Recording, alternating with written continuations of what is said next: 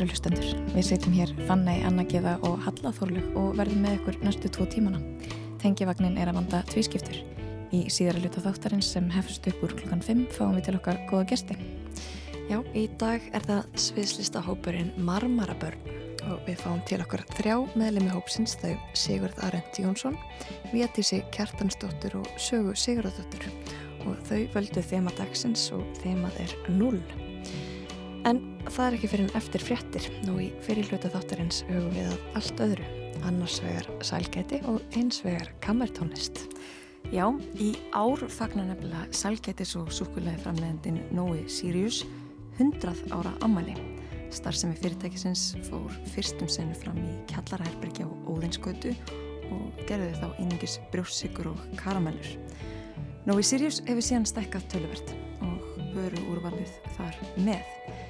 Í tilefni aldar ammælisins hefur selgetisframleðandinn blásið til hátíðarsýningar í Kortnúsi Árbæðarsapsins.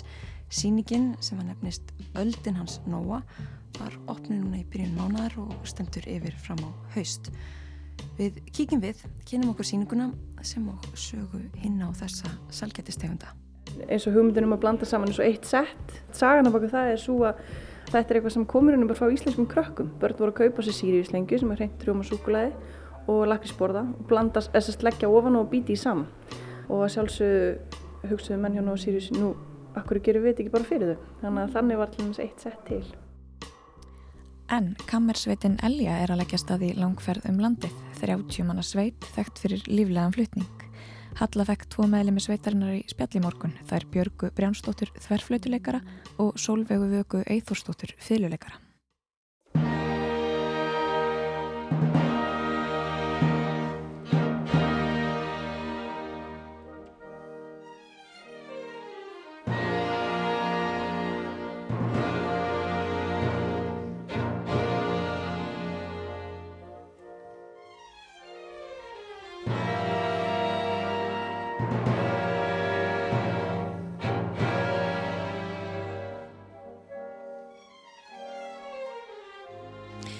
Hjá mér eru sestri tveir meðlemið kammersveitarinnar Elju. Björg Brjánsdóttir, þörflötu leikari og Solveig Vaka Eithordóttir, fyrirleikari. Velkomnar til okkar. Takk. Takk fyrir. E, þið eru bara alveg að leggja í hann á tónleikaferðalagum landið, ekki satt? Jú, Jú, það er rétt. Pappi býður bara með farangurinn út í bíl, sko. Já, hann er að býða eftir ykkur. Hann er bara að býða. Við tökum um góðan tíma. Alveg, já, endilega. hann hefur gaman að því. Það er mjög gott fyrsta stopp. Já, þetta er fyrsta stopp og þetta er líka fyrstu, fyrsta tónleikaferðalagið ykkar sem eh, kammersveitin Elja. Já, það er rétt. Við höfum verið að spila í 2,5 ár, uh, alltaf bara í Reykjavík. Það verið mjög spennt að fara mm -hmm. Á ferðarlagalöksins. En það, það kostiði líka smá undirbúning, ekki satt, og kostiði líka kannski heimsfaraldur að koma öllum á sama stað. Það eru 30 manns. Algjörlega, það eru 30 manns og margir hverju búa erlendis eru komin einna heim og það var langa tíma sem voru mjög óviss hvort að við gætu framkvæmt ferðarleið mm -hmm. en uh, þeimun ánæðari að vera loksins leggjast að.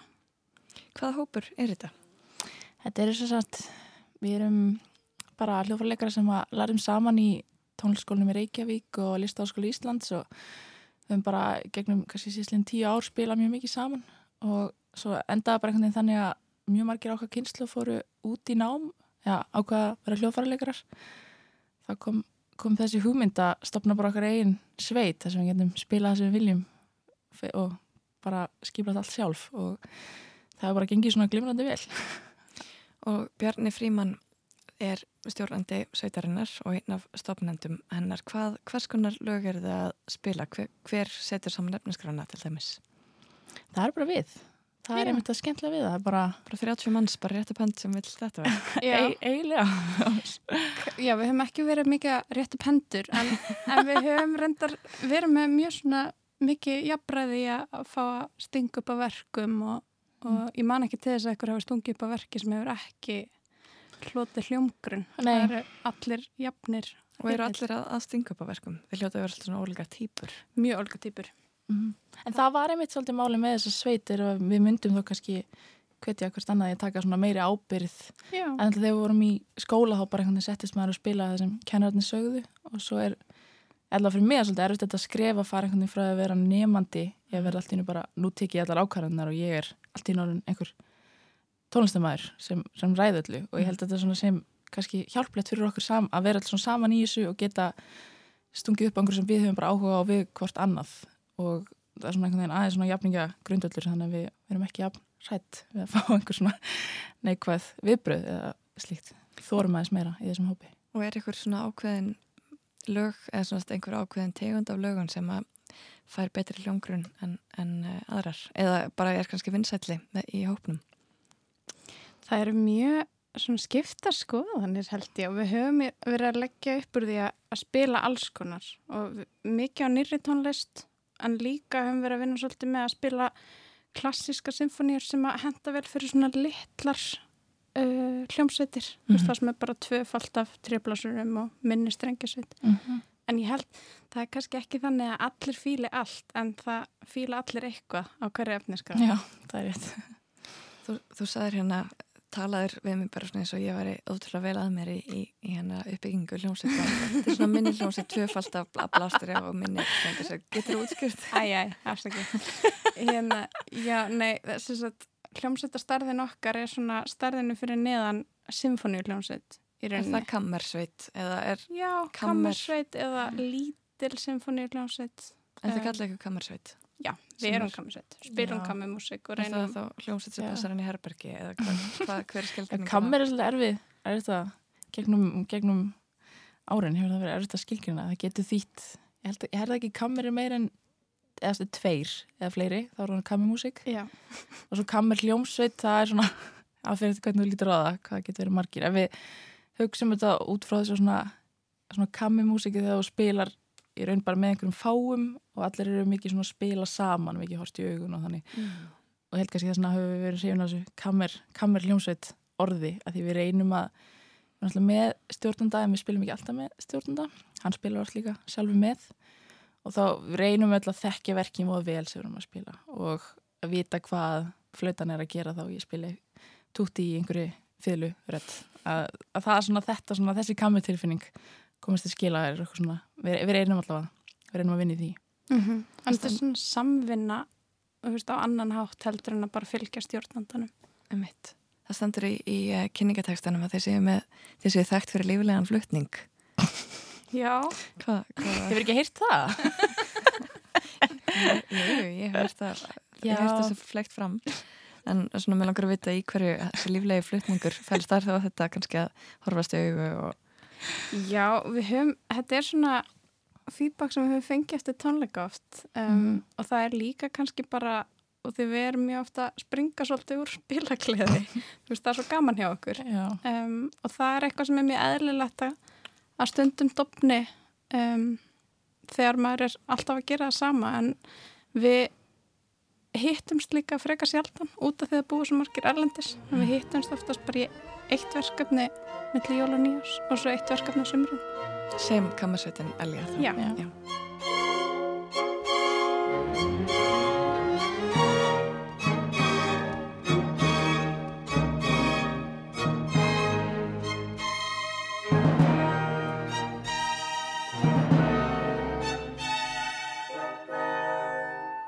Það er líka gaman að því að einmitt þessi tilfinning að því við skiplegjum allt sjálf eða við flötuleikarinn er búin að vera í miðsölunni og sjáum þetta, þessir er búin að sjá um mm. skipleika pallana og alls konar, þannig að allir eru mjög tengdir þessum konsert, ekki bara mæti ekki bara að spila mæti ekki bara að spila og er ekki bara vona einhvern veginn að sá flutningu gangi vel, heldur allt, öll umgjörun er bara, einhvern veginn búin að leggja allt í það og því held að það spil ekki inn í að við séum mjög svona kannski æst er ekki rétt orð á sviðinu en svona, já, spilagleðin er mikil við erum mjög mhm. ánað að við séum komin á þann stað þegar tónleikandir skilja að byrja Á hvað aldrei eru meðlemið sveitarinnar?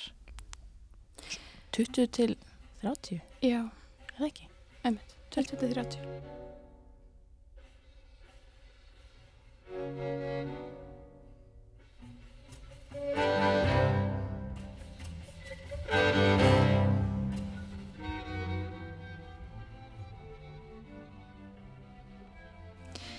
Og segi mér aðeins frá efniskráni í um, hvað kallast tónleikaferðilegið eitthvað núna? Kammersveitin Elja á þeysirreiðum landi Það hljómar eins og eitthvað svona líflegur flutningur. Já, við ætlum að fara, við ætlum að fara á hestum um er Mjög gott, Já. hlustum og, og hljóðfæri. Já. Það er svona misflókið. Er ykkur kontrabassarleikarar og svona í sveitinni Já, Já, tveir þannig. sem verður þá með svona vagn í eftirdrægi. akkurat. Þetta er komið til vittlis, segjum við frá efniskránu. Já, við, við strenginni fengum að velja fyrsta verk, sko. Það er verkið Entrakt eftir Caroline Shaw. Og það er frábært verk samhældi í 1980. Nei, hún fætt 1980. 2011. Ég, ættum fyrir, hún fætt 1980. Einmitt. Um, 2011 og það er æðislega verk samið upprunnilega fyrir strengjakvartett. En hún gerir sjálf þessu útsendingu fyrir stærri strengjasveit og það er svona góð blandar mjög fallega lælunur í því og fallega hljóðheimur. En svona góður þráður gegnum verkið.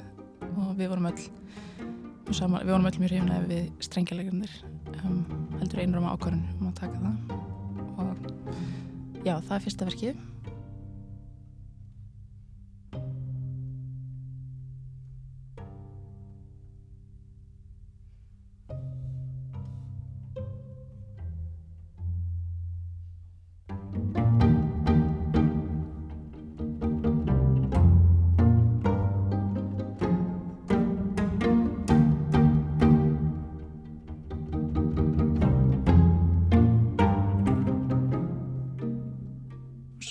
ætlum við að spila verkið Dumbarton Oaks eftir Stravinsky sem við höfum tekið einu svona áður. Þetta er hérna, já, þetta er mjög hrestverk. Já, það er algjör rockmusík sko. Já, mm. einmitt, já, það er eiginlega besta orðið. Já, Þetta er rockmusík. mm Og þaðan uh, fyrir við í harmonikakonsert sem við munum frumflytja á turnum eftir Finn Karlsson og verðum með harmoniku einleikara með okkur sem heitir Jónas. Og við vitum ekkert um það verk. Nei, tök, en við sem sagt höfum ekki heyrt það. Frum, frum, þið hafa ekki heyrt það? Þetta við höfum ekki hérna. þess að verður frumflutt á ekki. Er- Hafið þið ekki heyrt verkið? Nei, Nei. Hafið þið ekki held það? sinni. Bara, bara, ok, þeir eru bara að æfa svona í sikkur lægi og svo komið þið saman Já, og já, nú svo eru við það að að fara fara í frýt, já, þið já. Mhm. Þið byrjuði á hólum, Já, hólum í alltaf. þar sem þið ætlaði að vera hvað lengi að æfa. Það eru við þrjá daga. Mhm. Já. Og það, þar stillið þið saman strengi og, og blástur og allt þetta yfir í, í tónleikaferðalagið. akkurat. Og svo endur við erum tónleikana á Symfóníu nr. 4 eftir Felix Mendelssohn sem er algjört það er alveg geggjast ekki. Það er svona, já, allir elska það. Hafið þið spilað það áður? Við höfum spilað það áður, spilum það síðustu jól okkur fannst algjör synd að spila það bara einu sinni þannig að okkur að taka það aftur. Þú ætlum að spila mjög oft. Já, nú ætlum að- nú verður það á öllum tónleikum elju. Vá, ennspennandi. Þannig að nú, nú sem sagt bara þegar að þessu við til að líkur þá hlaupið þú til bíl til pappa þíns Mm Sóluvaka Akkurat. og um, leggjast að á Hóla í Mhm. Hjaltadal þar sem þið verðið þrjá daga og svo hef ég ferðalagið Kammarsveitin Elja á þeysirriðum landið. Já. Er eitthvað sem þeir eru hrættar við varandi þessu tónleika? Er eitthvað sem svona, þú veist, er eitthvað, þetta er fyrsta sinn sem er komið öll saman farið á tónleikaferðalag, svona lengi margir tónleikar í einu þeirra frumflytja nýtt verk. Er eitthvað sem að svona, um, eitthvað finnst ógurvekjandi við það sem býður ykkar? Ég hef verið svona örlítið smeg við mætinguna. Ég gerir mér enga grein fyrir því hvort að fólk mæti á þessa tónleika. Þú ætti gestina. Já, Ég fór bara, guð, tónleikar, tónleikar með hljómsveit sem er ekki með góða mætingu. Þetta hljómar ekki vel. Það er engin klaranett í kvöld en góða skemmtun. Einmitt já, þannig að þeir að vonast til þess að fólk, þú vilt að fólk mæti. Eða Já. ertu hrætt við að fólk, ertu hrætt við mætinguna? ég, ég vil að fólk mæti. Já. Og, og það væri gaman ef að við verðum allavega sirka jafn mörg hljómsutin og, og gestirnir. Mm Já. En eða fleiri gestir, það væri líka mjög fín. Já, en þá er þetta svona, það er svona kammerstemning ef að, ef að gestinir og hljómsveitin eru svona bara í rauninni jafn mörg. Já, Já, ég já. stór hópur. Já, já. Ekkert allir ástu augu og svona. Solveig Vaka Íþórsdóttir og Björg Brjánsdóttir meðlemur kammersveitarinnar Elju. Kæra þakki fyrir komuna í tengjavagnin og, og góða ferð. Takk fyrir okkur. Takk.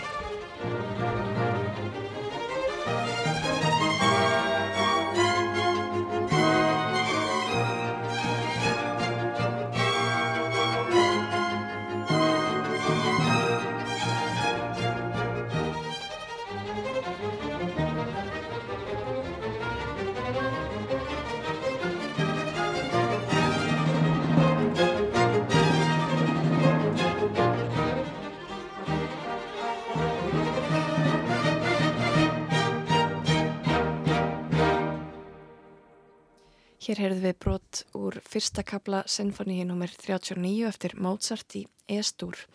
Flutningur kammersveitarinnar Elju frá árunnu 2018 en hér áðan var rætt við tvo meðlimi sveitarinnar þær Björgu Brjánsdóttur og Solveigu Vöku Eithórsdóttur. Sveitin er að hefja þeysi reyðum landið en fyrstu tónleikanir verða næstkomandi 50 dagskvöld í menningarhúsinu Miðgarði í Skagaferði. Hljómsveitin mun svo koma fram á Berjadögum í Ólasvík en í kjölfarið fylgja svo þrennir tónleikar. Annan ágúst á Vóknarferði, fjórða ágúst á Kirkjubæðaklustri og svo loks verða síðustu tónleikar ferðarinnar haldnir í Hátegskirkju í Reykjavík þann 7. ágúst.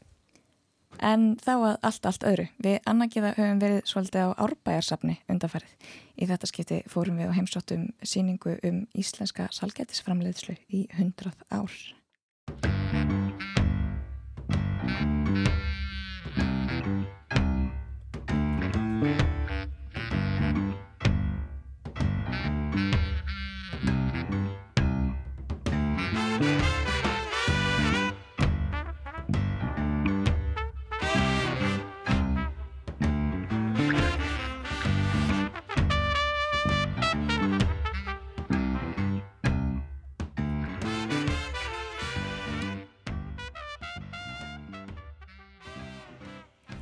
ár fagnar sælgætis og súkulaði framlegandin Nói Sirius 100 ára ammali.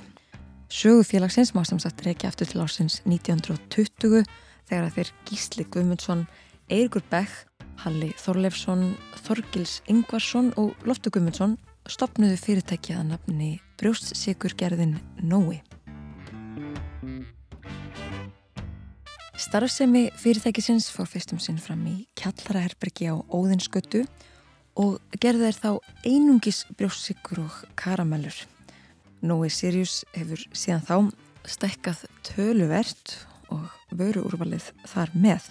Mætti í fljótu bræði nefna selgeti á borfið Opal, Tópas, Tuggur, Nissa, Eitt Sett, Bismarck, Suðusúklaðið og jú eða Nóa konfektið sem að hefur átt hluti í veisluborðum og hátíðstugum Íslandinga síðan snemma á síðustvöld. Í tílefni aldar ammælisins hefur Nói Sirius nú blásið til hátíðarsýningar í Kornhúsi Árbæjarsapsins. Sýningin nefnist Öldin hans Nóa, hún opnaði í byrjun mánadar og stendur yfir fram á haust. Við fannig kíktum í Kornhúsið og kynntum okkur sýninguna betur.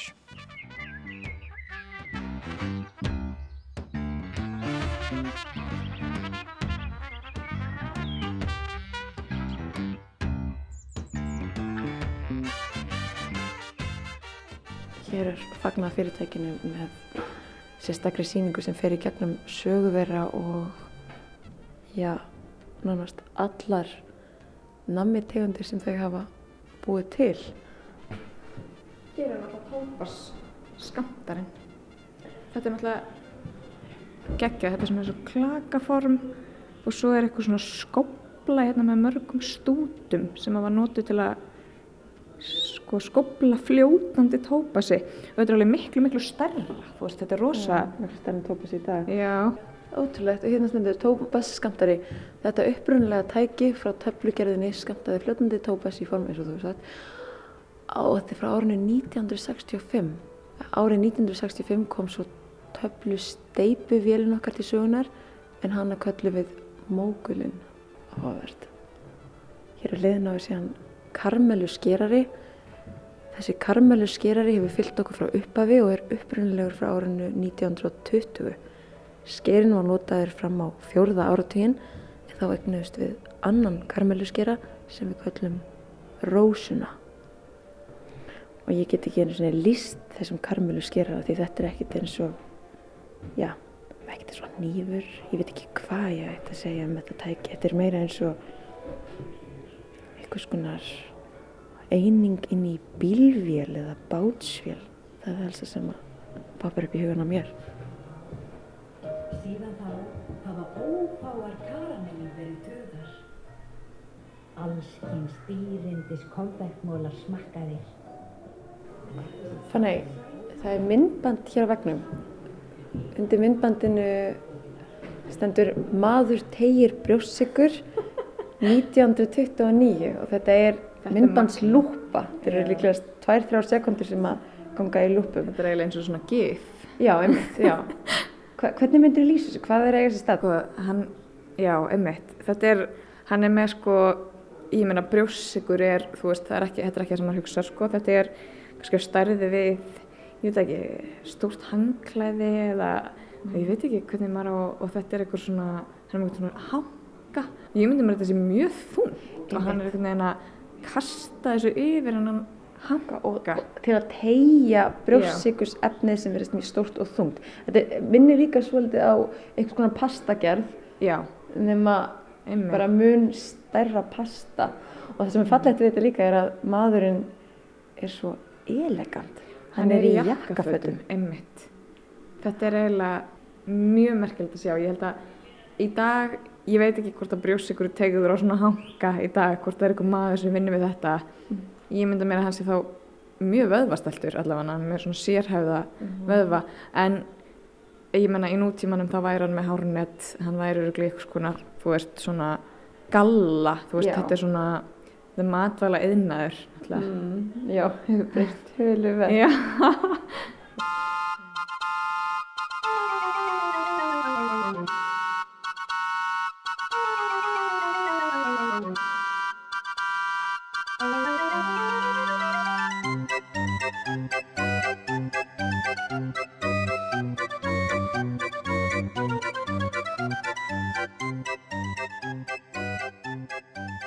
að koma því strax á framfæri að einslægi verður ekki einungis í formi lýsinga okkar fannigar á því sem að fyrir augum ber.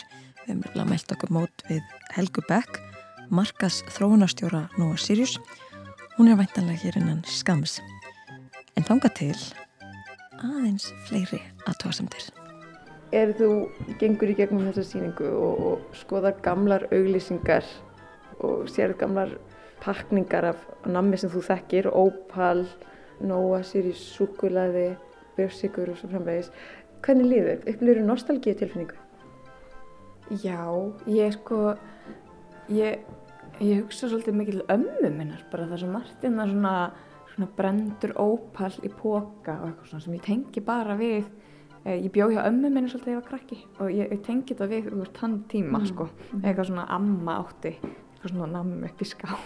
Já, bara bjóða þetta fram. Nóa töggur, ég hef ekki séð þetta í langan tíma en, þetta vekur upp. Nei, Þú getur ekki nóga tökur í pókum. líta það svona út. Ég held að þessi lítið nákvæmlega eins og það eru náttúrulega ekki svona stórar, þetta er einhver, þetta er einhver mjög ykt útgáfa. Ég, Þetta er að starfi hausin á mér. ég hef ekki séð þetta í mörg ár. Ég trúi ekki. Töggur, hér stendur á, á vegnum. Orðið töggur kemur frá tilraun íslenskra málfarsunnenda sem reynda náði inn í málið í stað tökuorsins karamellur. Orðið náði eins og vegar aldrei fótfestu í íslensku. Nýrðið tryði sér þó vissan sess því að fræðu karamellunar frá Nova Sirius nefnast töggur.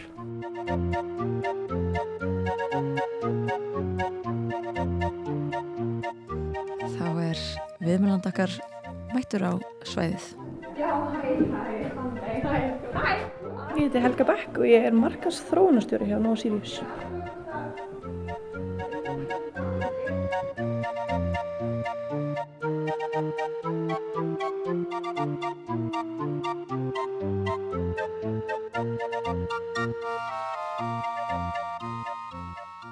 Upprunni síningarnar er raun og verið bara 100 ára amalinu á Sirius. Hún var opnið núna í byrjun júli og hún er búin að vera, já, í bígerð í einhver tíma en svo kom alltaf COVID og setti ákveðin streykir reikningin þar sem við þurftum alltaf bara að loka að okkur eins og all fyrirtæki.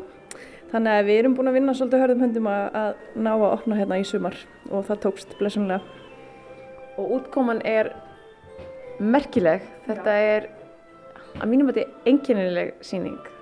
Það er mikið af upplifunarverkum, ef svo hættir að segja, eins og hér við vorum að fengum að þefa af nammi og að gíska á mismunandi nammitegundir. Það eru lúpu myndbönd eldgömmul, það eru gamlar auglýsingar, það eru gömul tæki. Það er augljóst að það hefur mikil vinna farið í gerð þessara síningar. Já, það er rétt og hugmyndin var raun alltaf að skapa svona einhvers konar upplifar síningu því að sælglæti fylgir auðvitað mikil gleði og, og gaman þannig að við vildum svolítið svona ná að fara í ákveðna svona vegferð með íslenskum neytendum og leifa þeim að upplifa fyrirtæki okkar út frá mismyndu vinklum sem eru náttúrulega með öllum skinnfærunum í raun og veru. Þannig að við erum hér að sína bæði söguna en við erum líka að upphefja listamennina sem að hafa teiknað auðsingarnar í gegnum tíðina og leifa fólki að njóta minningar tengjast oft lykt, þar leðandi erum við að leika okkur að því og þannig að við svona já, vildum nálgast þetta svolítið heildrænt.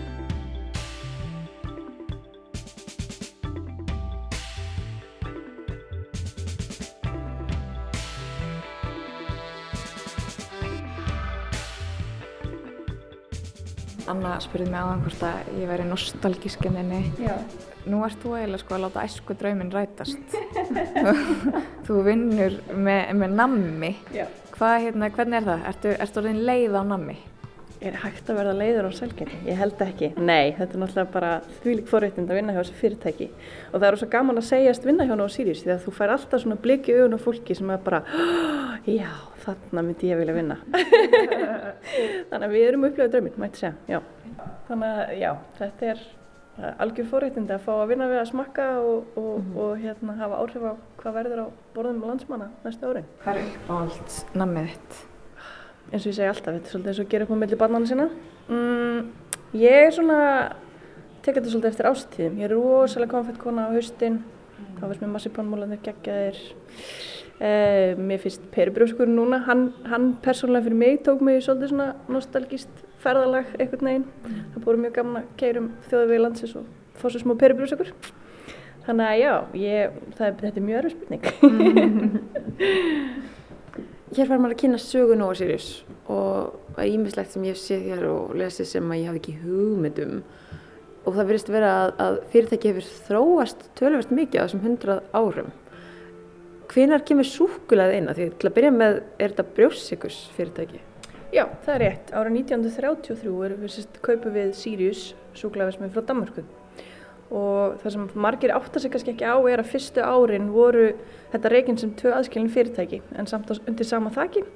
Þannig að í raun og veru voru til dæmis Nóa Confect, það er framleitt af Nóa en hráöfnin eru kipt frá Sirius. Þess vegna erum við ennþann dag í dag þó svo að Nóa Sirius selja allt sitt súkulæðundi merkjum Sirius hérna vörumerkisins í dag þá tölum við ennþá um Nóa Confect af því að þetta er bara aldagumul hefð sem hefur skapast þarna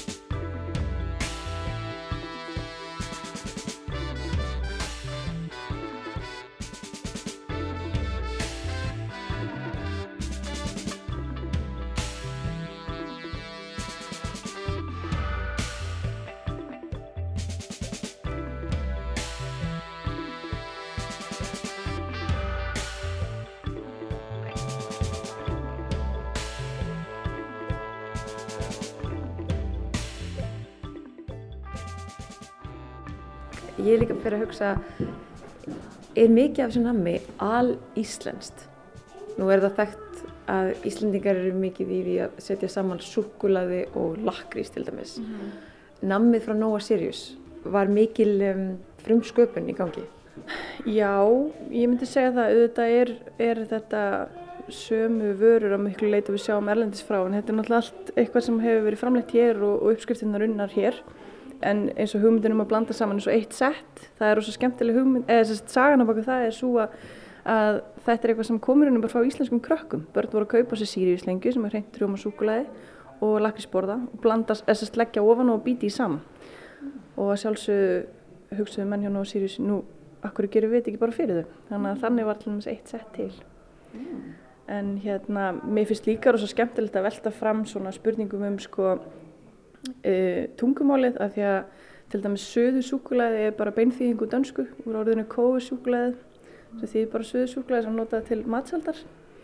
Um, það er sama með tökkurnar í raun og veru að þetta var svona nýrið sem var reynd að koma með það sem einhverjur voru að spjórna gegn því að orðið karamellur sem er náttúrulega hálfgert slangur myndi festast í sessi. Og tökkur vissulega náðu einhverju fótfestu en, en karamellan var samt ofan á sko. Þannig að þetta er svona, já vissulega mikil útlensk áhrif og það er líka rosa gaman að velta fyrir sér sko heitum á vörumerkjum því að Uh, fram til, þar til eftir hérna, samningarna voru gerðir þá máttur ekki framleiða salgæti, þess að flytja inn salgæti.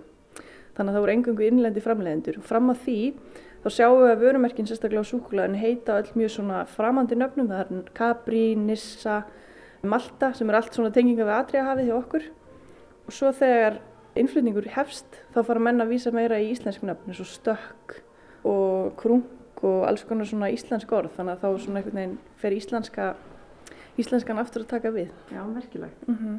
Það líka kemur óvart hvað það er ótrúlega mikið af selgetistegundum í gangi. Mm -hmm. Veistu hvað Nóa Sirius framleiðir margar mismunandi selgetistegundir?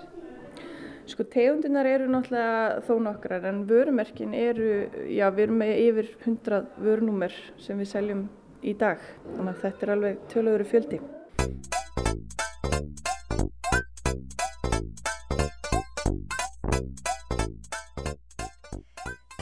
Nú er ein selgetistegund sem að hefur á síðari árum öðlast nokkur skonar köllt stöðu myndi ég segja. Það er blár ópal.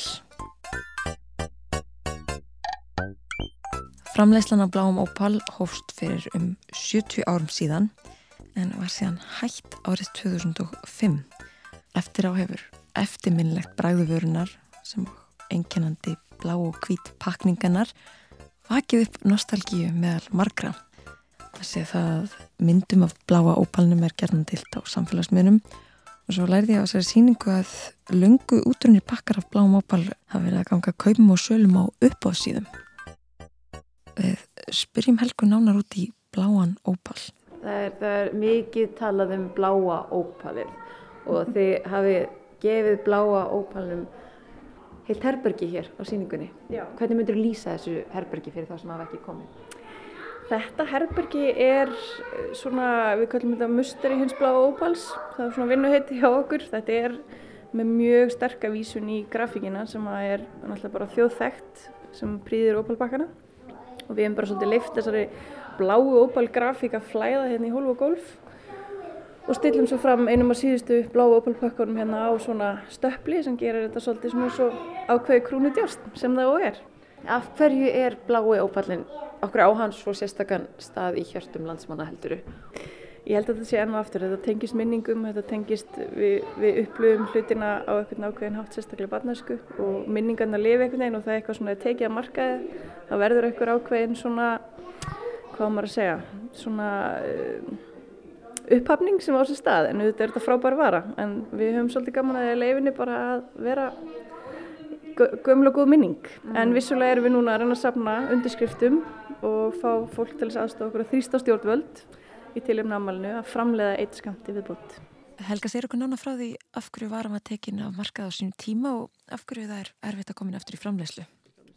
Já, eitt líkil innihaldsefni í bláum ópal sérst klóruform sem var sjálfsögði í snefilmagni en, en gerur svo mikið fyrir bræðupplununa og það var rauninni bara bannað með lögum að nota þetta í matvæluframleyslu að mér skilst vegna þess að þetta frekar óstöðut efni að vinna með og þar leðandi þegar svo löggilding átti, eða þessi, þessi lög eru fest í sessi þá náttúrulega eruðum við að bregðast við því og við höfum verið að reyna að leita leiða til þess að finna einhvers konar staðgengil en það hefur ekki tekist og við erum í rauninni ekki tilbúin að gera málamiðlunni þegar kemur á bláða móbóla því við vitum að væntingarnar eru, eru töluverðar. Saknar þú hans svona persónulega? Já, ég var mjög diggur aðdáðandi þannig að ég hérna, já, ég ætla ekki að segja til um það hvort ég hef opnað eitthvað pakka hérna sem á til og aðeins smakkað. Svarðir, já. Kanski. En uh, eru þið þá alltaf að gera tilvunni með bláan ópal? Ég veit ekki hvernig það er í nammi versmiðum, en eru þið með efnafræði stofi þar sem þið eruð að, að láta eitthvað matla allan daginn og gera tilvunir? Já, við erum með sérst, mjög flott vöruþróna teimi sem eru framstu stjórnar okkar og, og matalafræðingar og, og við og sölumarkasvið sem komum saman og erum að ræða sælgæti. Mjög skemmtilegir. Þetta eru bestu fundi vikuna myndi ég segja. og mikið verið að smakka á svona. Já, það, það þarf að gera tilvægt af því. Við erum ofta að prófa hvort að við segjum, setjum örlítið meira þessu, örlítið meira hinnu og, og þar eru við að ræða örunni bara framtíð sælgætis á Íslandi sko. Er enginn svona sem vinnur bara við að smakka? Er, þarf maður að gera eitthvað annað? Það eru flestir að gera eitthvað annað líka en við erum samt með mjög hérna, um, flottan hóp af fólki sem að færa reglulega send sínisóp. Mm, Það er mjög eftirsókna, já, mjög eftirsóknarverst að komast á þann lista. Er þetta skráð sig á þann lista eitthvað? Það þarf að tala við réttu aðalana til þess að komast á þann lista.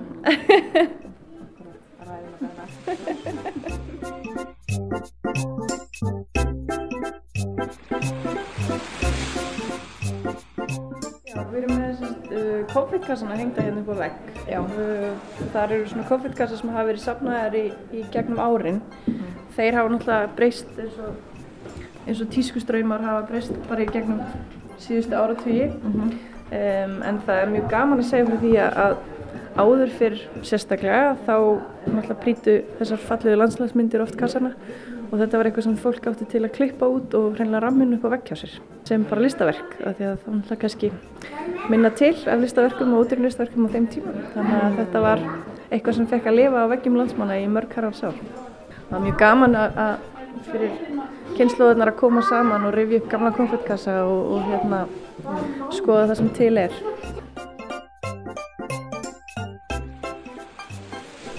Er einmitt magnað að pæla í því hvað selgeti frá Nova Sirius og bara frá þessum íslensku selgetis fyrirtækjum hvernig það flæðir inn á heimili fólks og inn í hverstagslíf. Það er náttúrulega líka bara það sem við svolítið vildum ná fram með þessar síningu er að við erum svo heppin að okkar fyrirtæki á einhvern veginn erindi við alla landsmenn á einhverjum tímpunkti lífið þeirra og alls konar hátíðstilefni og, og það eru svo marga minningar sem að fólk tengir við fyrirtæki okkar. Og við höfum svolítið verið að setja fram þessa síningu með það markmið að skapa svona samtala mellir kynnslóður sem maður sér hér í gangi mellir fóreldra og barna eða mú afa og barna. Og, og reyna svolítið að fá fólk til að rifja upp og jafnvel senda okkur þessa sögur af því okkur þykir þess að væntum að eiga þetta. Og það er eitthvað sem ég held að öll fyrirtæki í Íslandi megi taka til sín er að skrá söguna. Því að hundrað ári er alveg rosalega langu tími og þegar maður fer að grafa dýbra og átt að sjá því hvað þetta er í rauninu margt búið að gerast á þessum hundra áðum þá er hugsa maður ósálagt einhvern veginn til framtíðan hvernig verða næstu hundra ár og hvernig ætlum við að varvita þessa í raun og veru hluta menningar alveg þjóðurinnar.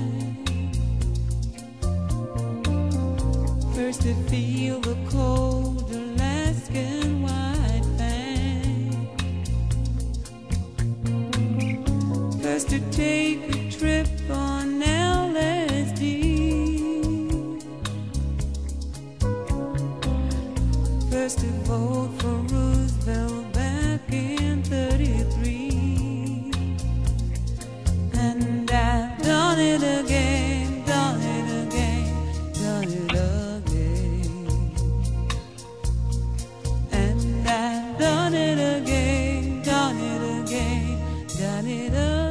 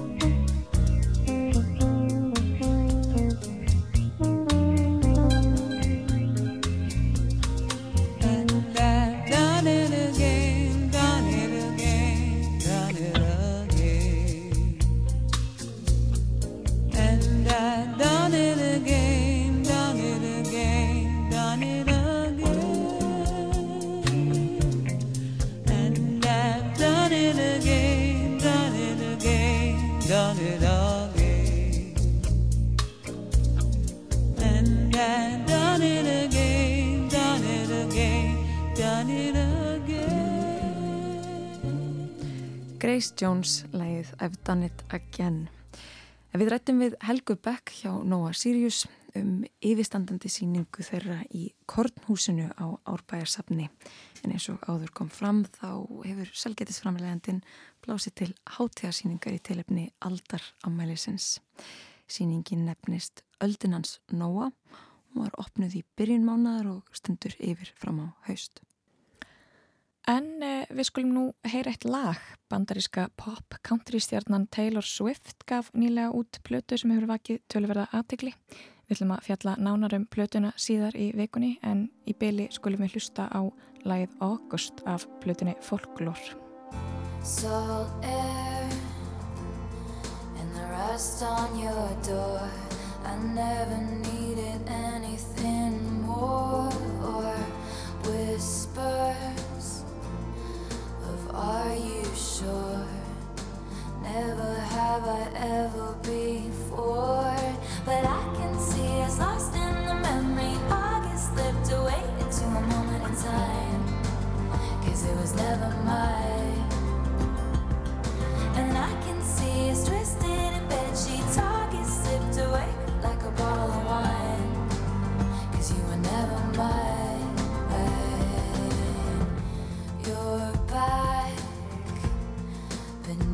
The sun. Wishing I could write my name on it.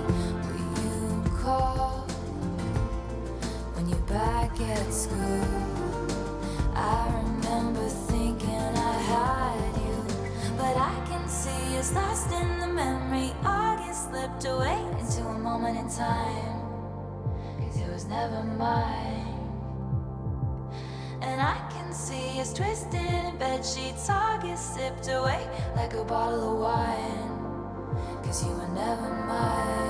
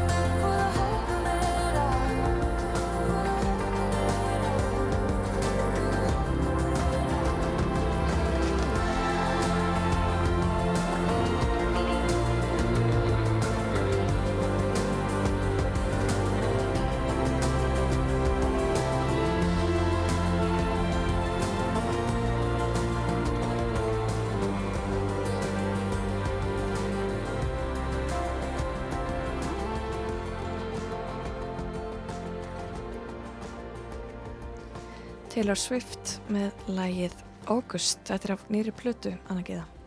Herri já, þetta er af plötunni Folklore sem að kom út á föstu daginn og að mér skilst fær þessi plata mjög góða dóma sem er svolítið aðtilsvert það sem að plöturinnar á síðustu árum hafa svona, já þar hefur verið hit and miss, segir maður það ekki? Hit and miss, jú, já, hit svona. miss.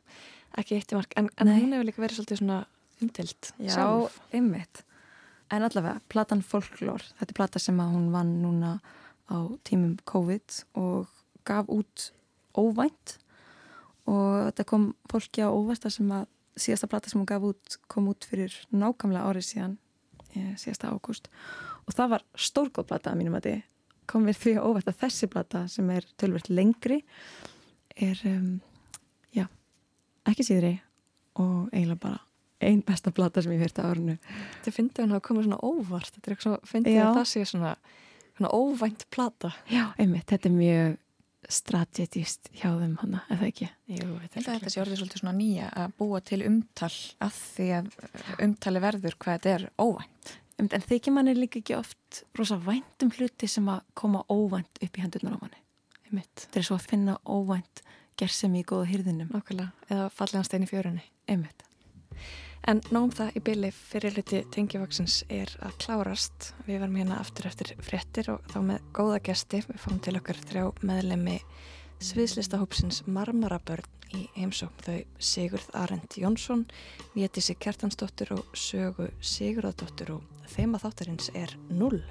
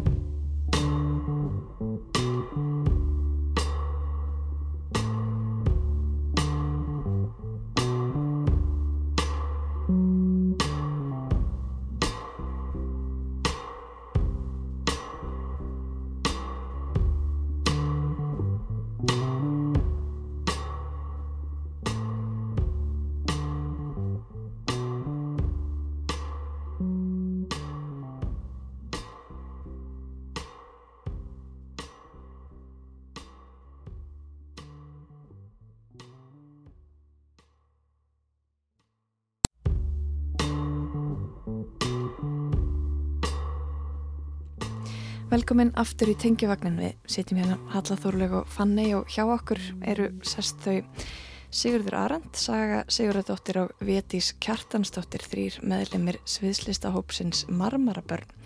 Verið velkomin til okkar. Takk fyrir það. Auk ykkar eru þau Katrín Gunnarsdóttir og Kristinn Guðmundsson hluti af hópnum en þau eru fjari góðu gamni í dag. Við ætlum að spjalla saman um lífið og tilveruna og sköpunarferli vonandi eitthvað smávegis og, og þema dagsins er 0. Og þið völdu þetta þema, hvernig kom þetta til ykkar? Nullið hefur svona fyllt okkur kannski eh, frá því að við byrjuðum að starfa sem marmarabörn um, en það byrtist fyrst í fyrsta verkinu sem við byggum til hérna út í, út í Hamburg, Moving Mountains og þá var það kom það til okkar í formi svona upplásinar heliumblöðru sem var bara null Bara formið. Já, formið sko og, og hérna og, út af því að við vorum að vinna á stóru sviði þá uh, mann ég að við vorum allavega að pæla sko okkur vantaði eitthvað okkur vantaði einhverja svona hæð Mm. eitthvað sem að myndi rýsa einhvern veginn upp í, í rýmið og, og taka það einhvern veginn með inn í reikningin um, og helium bladra einhvern veginn var augljós og ódýr kostur kannski, eða hvað? Ef ég mann rétt þá byrstist Siggi í morgunin með þessa blö, góðu blöðru í stúdíónu. Ég held að þú hefði bara séð hana í búðaglöka á leiðinu á æfingu um, og grípað hana með einhverju svona... það var Kalla, kallað á þig. Já. Já, og þeir voru eitthvað svo rosalega fínir þannig að Siggi og, og Núli þeir eru mætti, þetta var svona silfurlítið mjög falleg blæðra og hún var bara undir eins einhvern veginn búin velkomin og varð hluti af ferlinu bara eiginlega samstundis og bara um leið einhvers konar já, gott að hún varð ekki bara einhvers konar miðja einhvers þar á leiðinni og hún var alltaf með okkur á sviðinu í verkinu hjælt, hjælt okkur uppi má segja. Já. Þetta er svo magnað að heyra svona lýsingar á, já, bara hann sá þessa blöðru, tók hana með, vissi bara og viss á um blöðrun og bara vissum, þetta er eitthvað svona rosa tröst á, á ferlið og, og, og hérna hvert annað sem samskapendur. Er þetta alltaf svona hjá okkur að, að þið bara stökk við á tilfinninguna? Já, ég myndi segja já við því, sko. Það er, já, ég myndi alveg segja við byrjum oft á núlpunkti. Það er einhvern veginn, rýmið er bara áskrifa blað og við erum mjög duglega að grípa hugmyndir hver annara og framkvæma þeir án þess að vera kannski að, að hérna, efast mikið um þær eða ræða þær þannig að við oft byrjum þar og bara gerum. Og svo er það ekki fyrir en kannski tölvert setna í ferlinu sem við fyrir svona að ræða og, og grísja og svoleiðis. Mm. þannig að þetta er, jú það er heilmikið traust og bara virðing líka. Við okkur finnst hvort annað svo skemmtilegt og cool. Og ég held að það líka hafi mikið að- segja. Það hljóma mjög vel. Mér langar að spyrja ykkur meira út í sköpunarferlið en áður en við förum lengri inn í það þá skulum við hlusta á, á fyrsta lagið sem að þið völduð út frá e, þema dagsins 0 og e, Siggi, ég held að þú hafi valið þetta lag, getið það passað, Andi Svartól. Já, ég valdi uh, vinni mína í Andi Svartól. Þetta eru þeir Egil og Bjarki Viðarsinnir og uh, þeir gáð út plötu fyrir nokkur síðan. Mörur heitur hún sem að mér finnst algjört meistaraverk og uh, já, núli er náttúrulega sko svartóli sjálft er í læginu kannski eins og núl mætti segja um, en ég svona fekk svolítið að fylgja honum eftir í, í þessu sköpunarferli og, og, og þegar hann var að búa til þessi lög sem að tóku mjög langan tíma að, búa til. Hann, hann vönduði svo mikið. Uh, og ég einhvern veginn hef ekki heyrt mikið af svona tónlist einhvern veginn uh, svona íslenskri tónlist eins og Andi Svartól ég myndi kannski lýsa þeim sem svona einhvern veginn svona fólk, samt svona vestri og svolítið svona kvikmyndalegt og, og hérna uh, þannig að það er ótrúlega margt áhugavert í þessari tónlist og, og uh, mér langaði bara að hlusta á þetta einu svona þetta er tímafrekja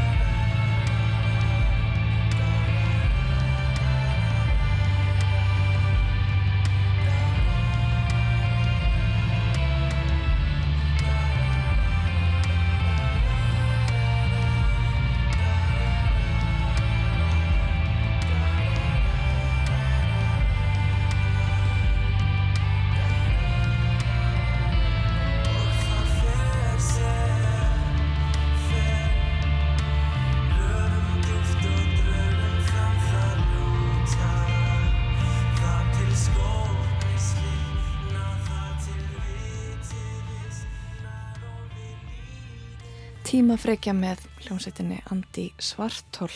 Við setjum hérna við fanni á samt þremur marmarabörnum, þeim sögur Sigurðardóttur, Sigurði Arend Jónssoni og Vétísi Kjartansdóttur. Og þema dagsins er null. Þetta er aldrei órætt og heimsbyggilegt þema. Við vorum aðeins byrjað að tala um, um, um svona upphaf, upphaf verka. Við sögðum mér aðan í kaffestofun að þið værið núna í smá Já, smá núlbúndi, en það gerði ekki aðeins að, að svona grúska. Jú, við erum það.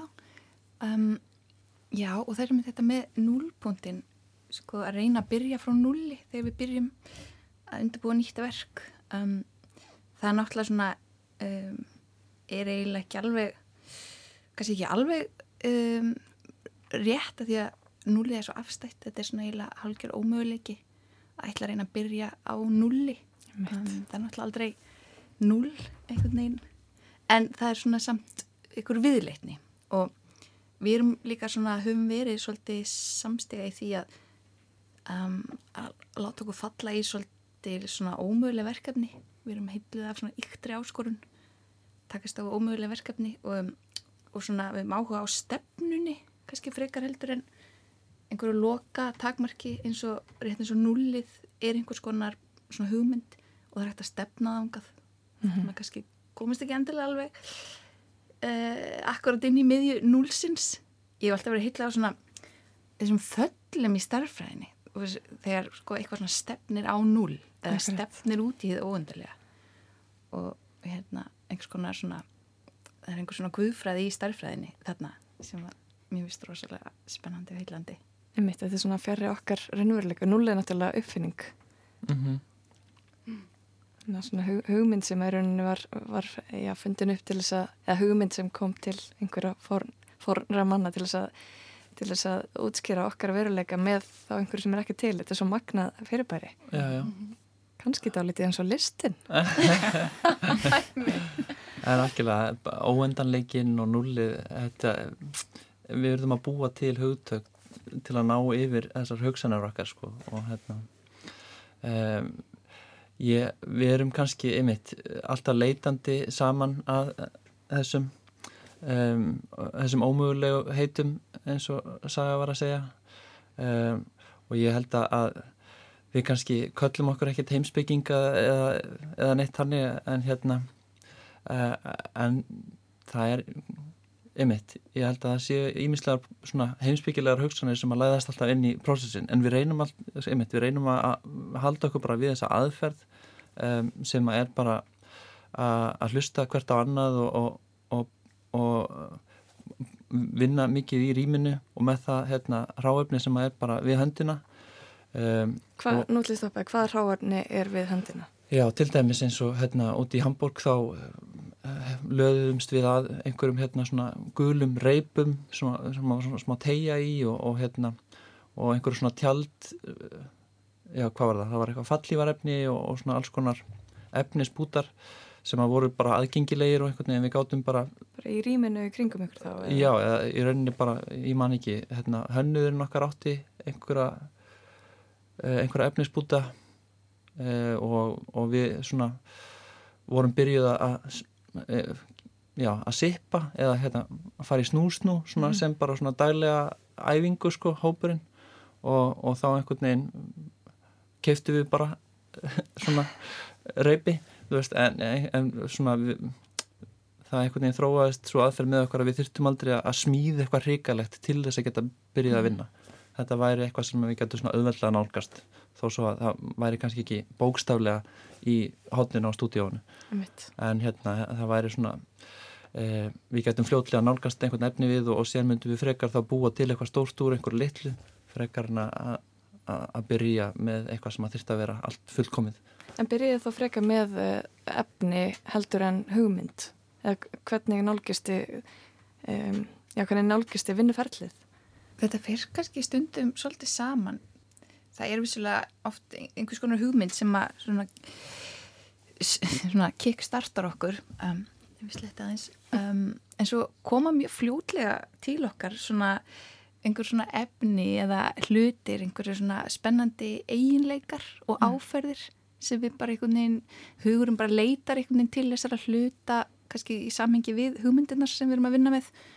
Og mm, eða þá bara jafnvel að hlutir koma til okkur eins og núli gerði í Hamburg um, já, þannig að þetta er svolítið svona þetta fer svolítið á milli og einhvern veginn úr efninu í hugmyndina og í svona siksak til að byrja með oft. Við getið borið saman þessi tvö verk sem að við höfum aðeins minnst á hérna uh, Moving Mountains og, og um, Eyður kannski út frá, út frá vinnuferlinu.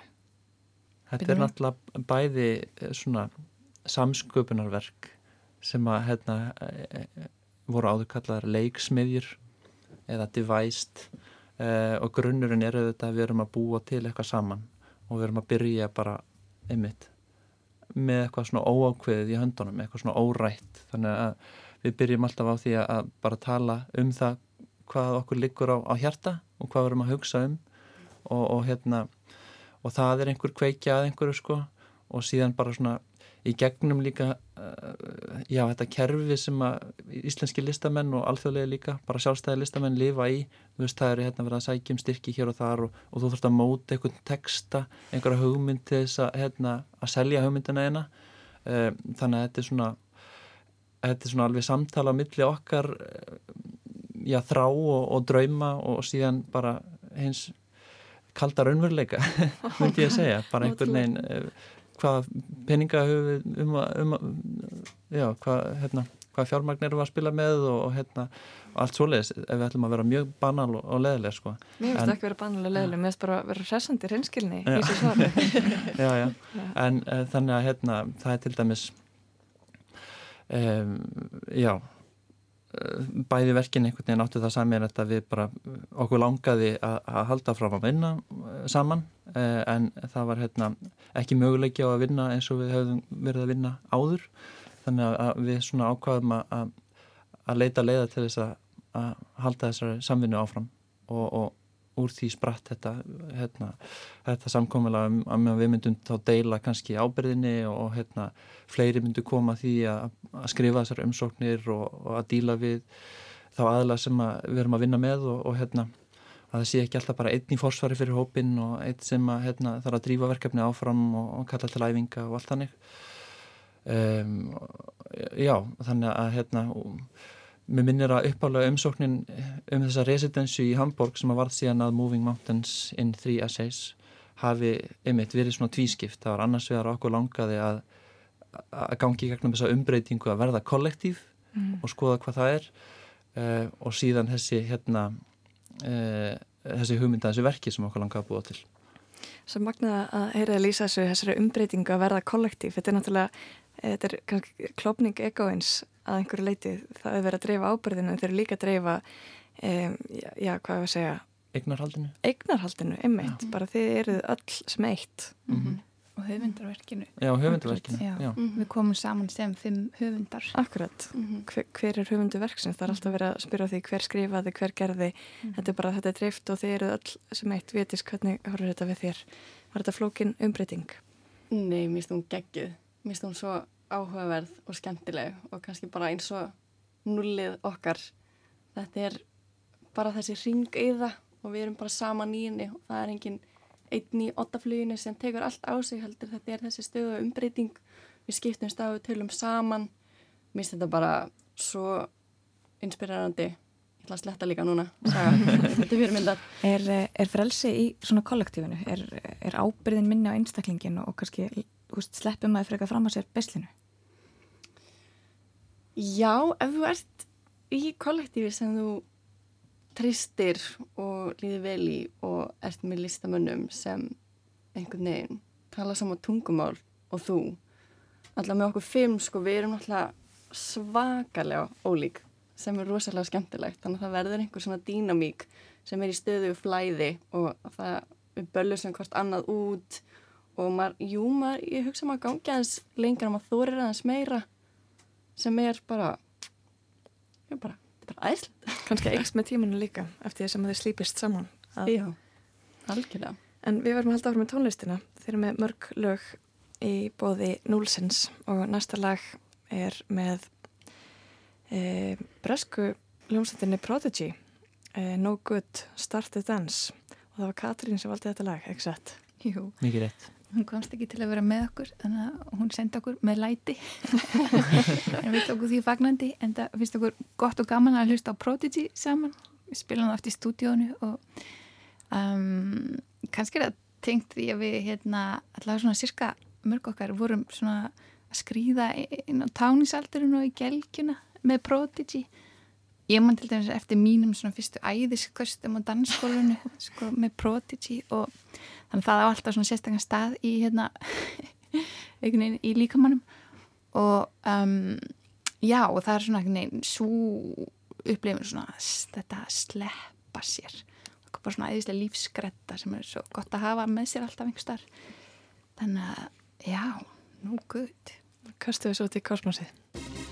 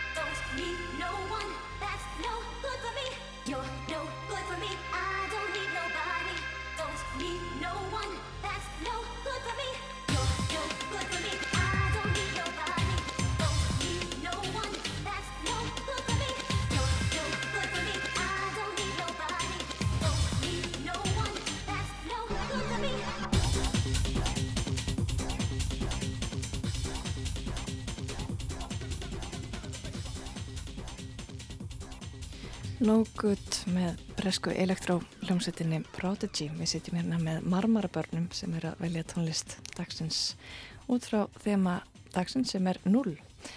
Nú var það Katrín sem valdi þetta lag. Vitið þið hvernig 0 tengist þessu lagi? Ég held að, að þetta tengist í kannski að við vorum að hlusta einmitt á þetta í stúdíónum bara og uh, það eru leifar af Prodigy tónlist í uh, tónlistinni, í verkinu Eyðum Já. svona mjög kryptist og alveg mjög svona unnar uh, en uh, Svo vídeospólan. já og vídeospólan sko, þetta er svona órætt sko en, en það tengist núlinn ekkert beint þannig séð Vítu, Eh, vítu, hvaða vídeospóla? Já, nákvæmlega. Vídeospóla. Er ekki að props. Já. Við erum með, hver var það Gunnar Karel Já. tónskáldið sem kom með á svona gamla VHS spólu með tónleikum af Prodigy og einhvern veginn, við horfum aldrei á hana en hún endaði samt í sviðsmyndin okkar og er búin að vera spólan í hulstrinu og öllu og er í síningunni, já, eðum. Þetta er svona leiniprops og tengist einhverju svona þannig að það á enginn Vaffa S tæki þegar Einmitt, horfa á hana þetta er bara fullkomin nostalgía Já. Einmitt. Þetta, þetta er svona dæmi um eitthvað sem að þið sjáuð og þekkið, tristið og setjið í verkið. Já, stundum er bara líka rými fyrir smá skraut eða ég menna, það þarf ekki alltaf að vera funksjón sko. eins og að fá S-bólan Já, er, er ekki lengur eða fegur kannski og fegurðin er ekki bara skraut Við vorum að þess að tala um það meðan við lustuðum að lægið. Við vorum að tala um að þetta væri kannski ekki lag sem var spilað á hverjum einstadegi á Rása 1. En við erum nú náttúrulega að eldast öll, öll hér sem hlustum og erum. Öldrun og dans getið komið með hvað, hvað þetta er ykkur í hug. Við erum að tala um nullið, svo fjarlægast við nullið eða nálgums kannski hvað, hvernig, hvernig hljómar öldrun í ykkar marmara barna eiru. hún hljómar bara mjög vel sko. uh, og ég uh, það er náttúrulega ekki kannski uh, svona fólki utan ákveðins aldursramma er ekki kannski mikið innan gæsa lappa hleyft upp á svið bara í heiminum og, og hér á Íslandi sem að mætti vera meira af og hérna, ég er í meistarnámi í sviðslistum uh, þessa stundina og, og bekkjarsesti mínu til dæmis að vinna verkefni þar sem að uh, hún er að, hérna eh, að taka viðtöl og, og byggja konur á, á hérna, sem eru konar í gernum breytingarskeið að, hérna, að taka já, taka vídeo sjálfur sér að dansa og hérna, mér finnst það mjög áhugavert eh, og ég held að það sé eh, einmitt, kannski tengslu við, ég veit ekki, öldrun í sjálfur sér þetta er svo stórt orð Þetta er svo fallegt sem ætti að lýsa, uh, sko, þetta er eitthvað svona hérna hugarfarsbreyting ga- hvert dansi, að þetta sé ekki út á við, heldur líka inn á við, þetta sé eitthvað svona einstaklingsbundið en ekki bara einmitt kroppar á sviði fyrir eitthvað aðra. algjörlega Algjörlega. Er það eitthvað sem að þið hafa tekið eftir í, í svona senunni yfir höfuð? Hvernig, hvernig hefur hún þróast svona með, með þetta í huga? Hverju taka þátt, hverju eru á sviðinu? Já, klárlega klárlega. Já, og það er, mér finnst það svo indislegt að, hérna, mér finnst þess að þetta sé eitthvað ekkert svona, um, þetta er engin formúla lengur, eitthvað, hvað, hérna, hvaða líkamar einmitt eiga að dansa á sviði eða eiga að dansa yfir höfuð fyrir aðra. Um, mm, að því að, sko, dansin alltaf bara er eitthvað svona líft og stöðvar ekkert, þú veist, þótt að við stefnum inn í einhverja öldrun eða líkamar okkar en hérna dansin er heldur ekki bara sko límdu við líkamann hann er eitthvað svona yin og yang Mhm. Hvað, sálinn hittir líkamann og, og svona Hvað hva, getur útskýrt þetta betur? Dansin er ekki tengdu við líkamann heldur eitthvað annað líka.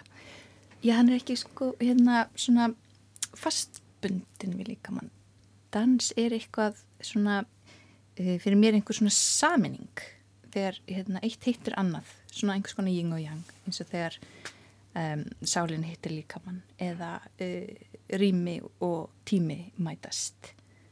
Já þetta er kannski svona byrlítið svona heimsbyggileg fabulering um það hvað dans sé. Já, mjög vel uh, kærkomin.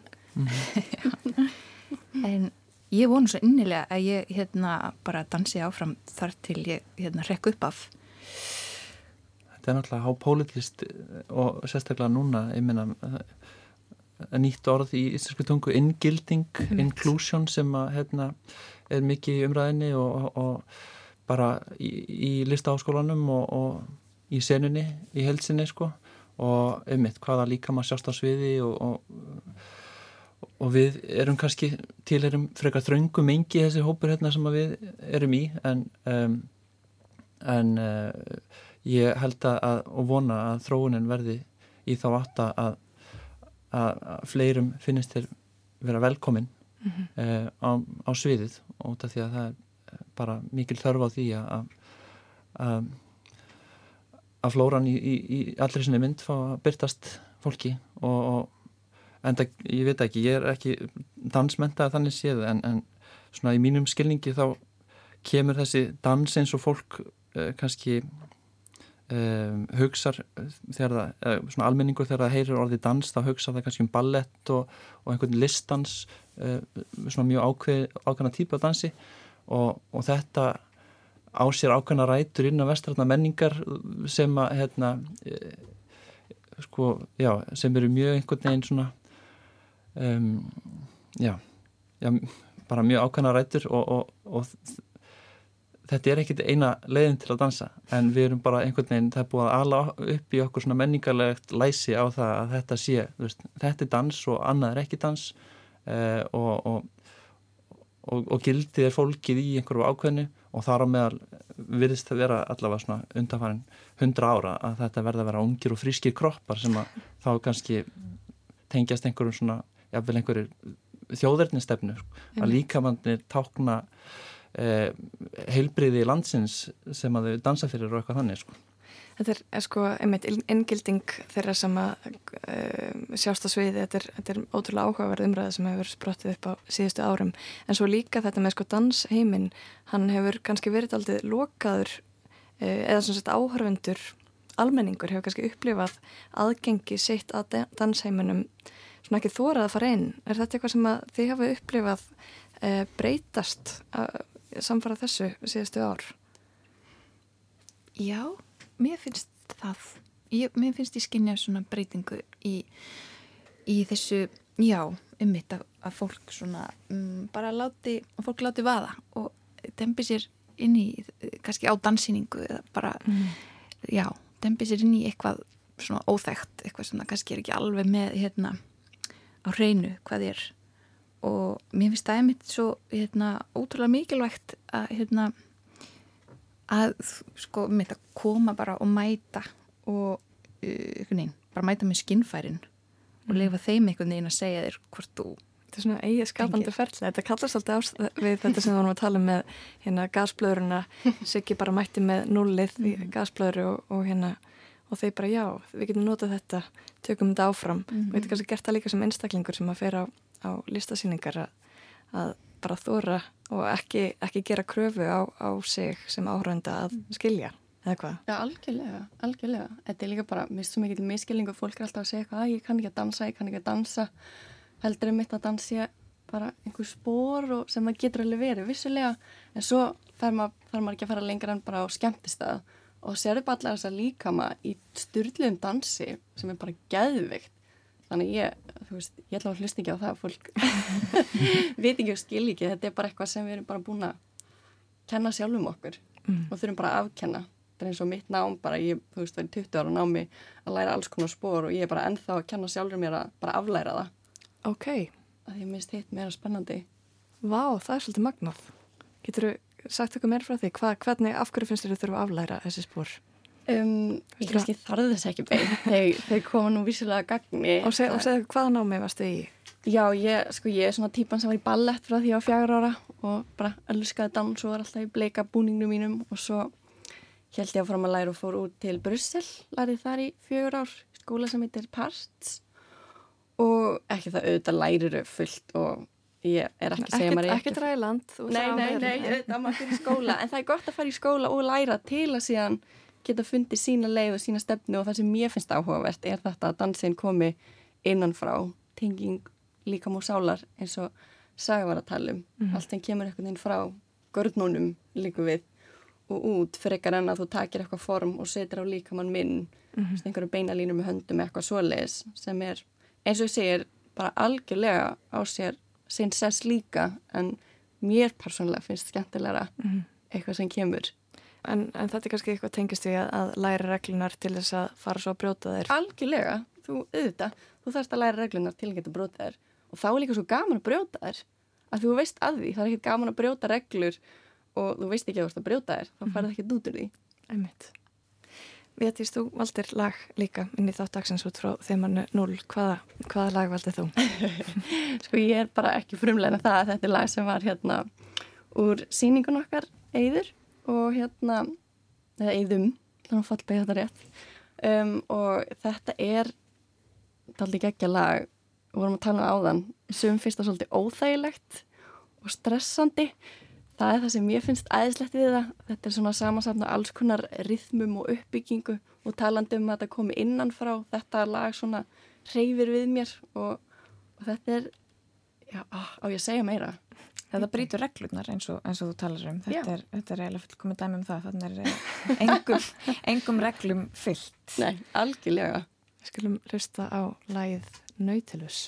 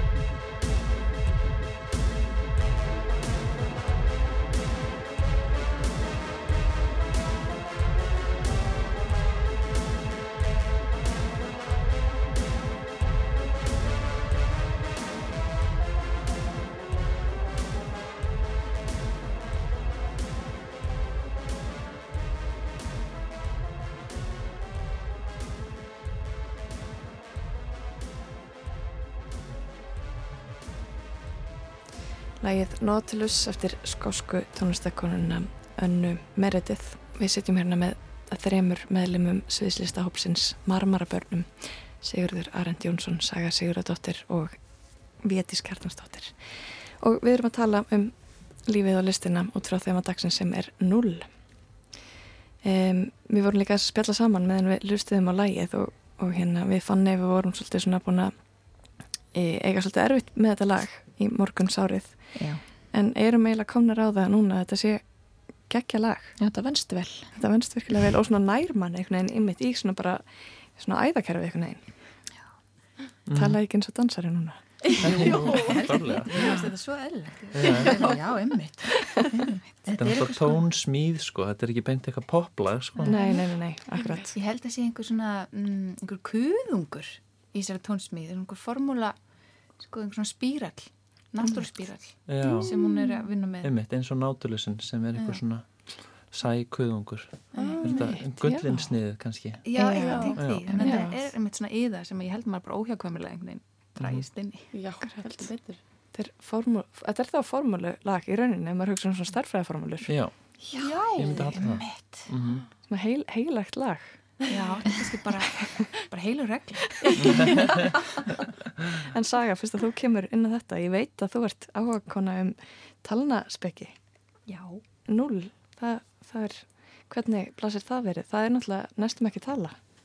Akkurat, sko, ég get, ég get sagt þér það að nullið í, í taróttinu, e, að það er tengt um, fýblinu, það er spil sem er hérna helgað fýblinu og er ímist um, fyrsta spilið í sagt, stóra bóganum, stóra taratbóganum, eða það síðasta. Það er sagt táknar, sko, getur, talma, getur verið 0, mert með 0 eða 22, sem sagt upphaf eða endir, að þeir eru rauninni bæði.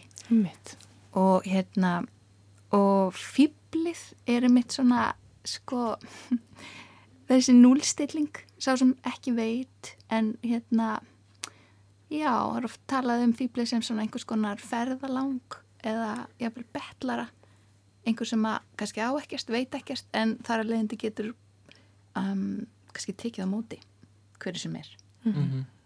Og já, við tölum stundum um þetta fýbl. Já, Mhm. algjörlega. Mhm. Og hérna, ég komst að því um daginn líka að uh, flanör, hérna, sem að byrtist hérna hjá Situationist, er það ekki? Gítibord, eða nei, ég man ekki allavega, það er hérna, uh, þetta var svona einhver sentilmaður hérna á 19. öldinni sem að labbaði bara um, borgina og einhvern veginn uh, meðtók rýmið svona út frá sjónarhotni vegfarandans sko.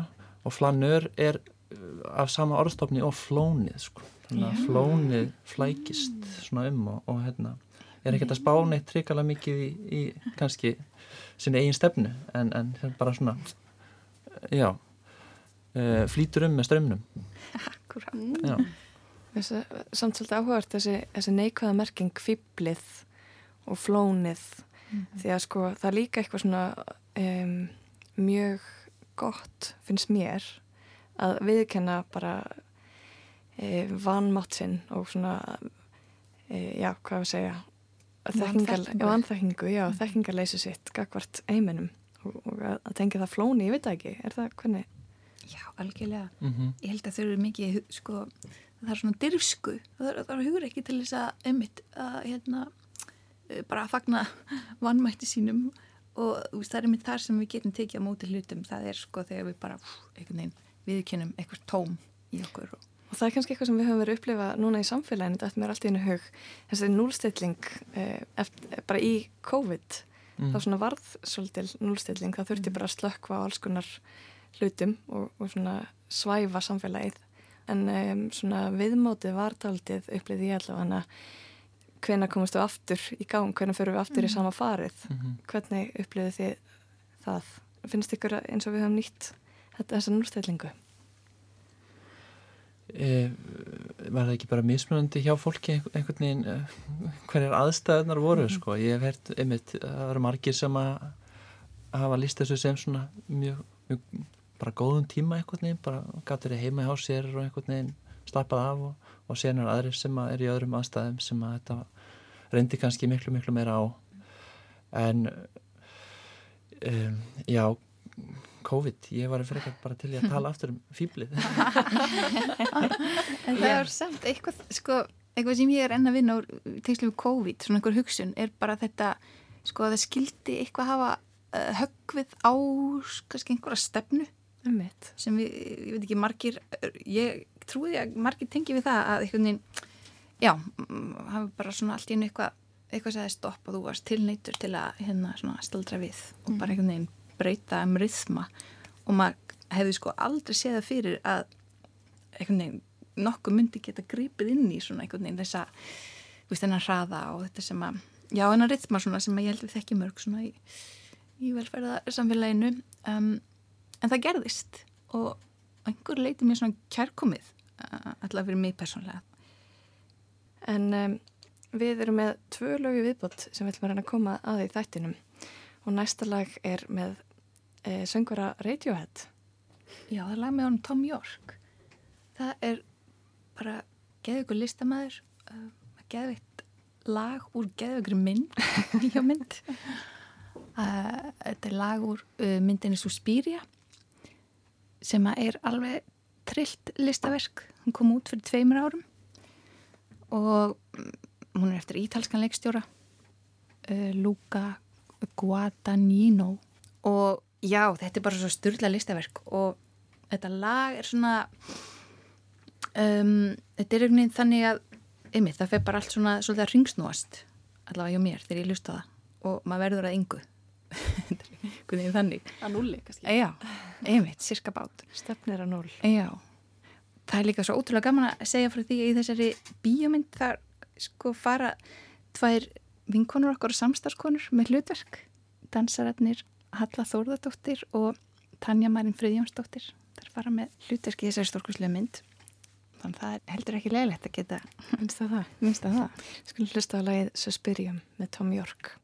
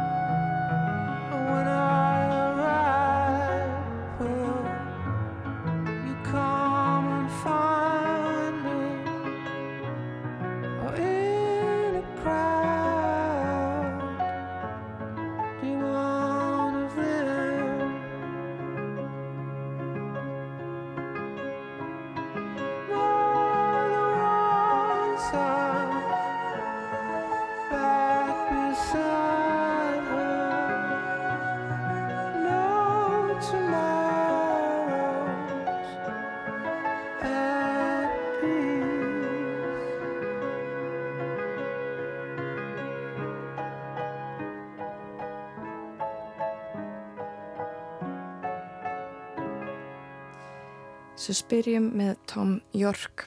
Ef við sitjum hérna með þremur meðlumum sviðslistahópsins Marmarabörnum Saga Sigurðardóttir, Sigurður Arend Jónsson og Vétís Kjartansdóttir er hérna með okkur fannegi að tala um lífið og listina út frá þemadagsins sem er null svona abstrakt þema. Mhm.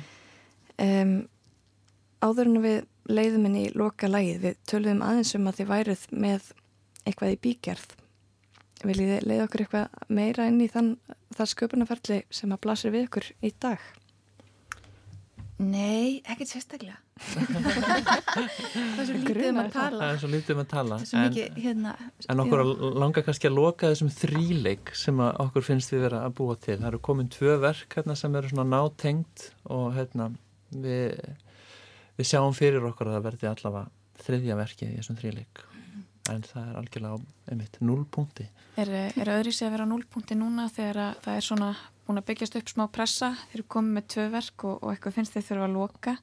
Er, er núlpunkturinn, er hann allt öðru sér núna en, en fyrsti núlpunkturinn? Já, hann er það eflaust. En við erum samt alltaf að reyna að sko að hafa fýblið næri okkur og einhvern veginn að, þú veist, byrja bara mjög fangið opið, byrja Mhm. fátæk. Þóttu við séum búin að vera samkaðangur svona einhverju reynslu saman með þetta.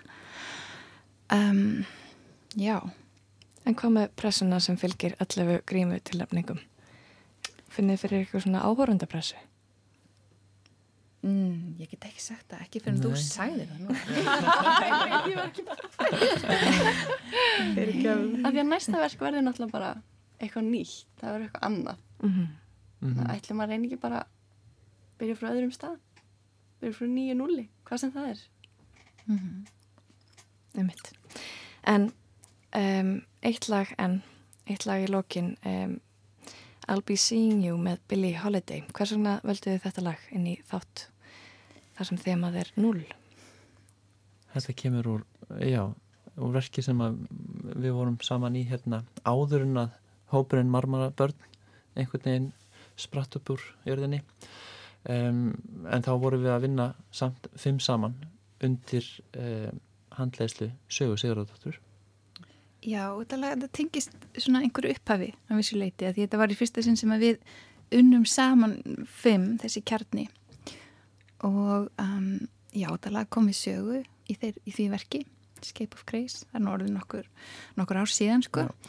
Um, Siggi söng þetta lag Já. í síningunni og það er kannski einmitt, tengslinn við null er það að þetta er líka null uh, svona orginal dæmi. Ég tók þetta bara úr öðru verki sem að ég hafi verið í skömmu fyrr og heitlaðist svo af þessu lægi mér langaði bara að syngja það aftur.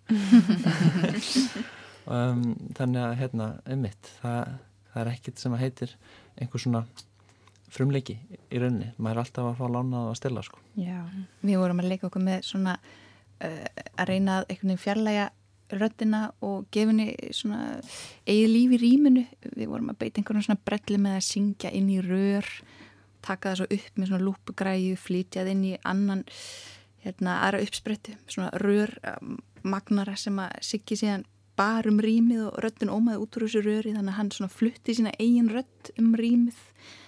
Einhvern veginn, já, var einhver svona leikur. Ó, magna. Og nú verður rödd Billie Holiday flutt. Já, mörg, mörg ár aftan úr fornesku inn í okkar eyru. Marmarabörn, kæra takk fyrir komuna í tengjavagnin og gangi ykkur vel með framhaldi. Takk fyrir okkur. Gaman að koma.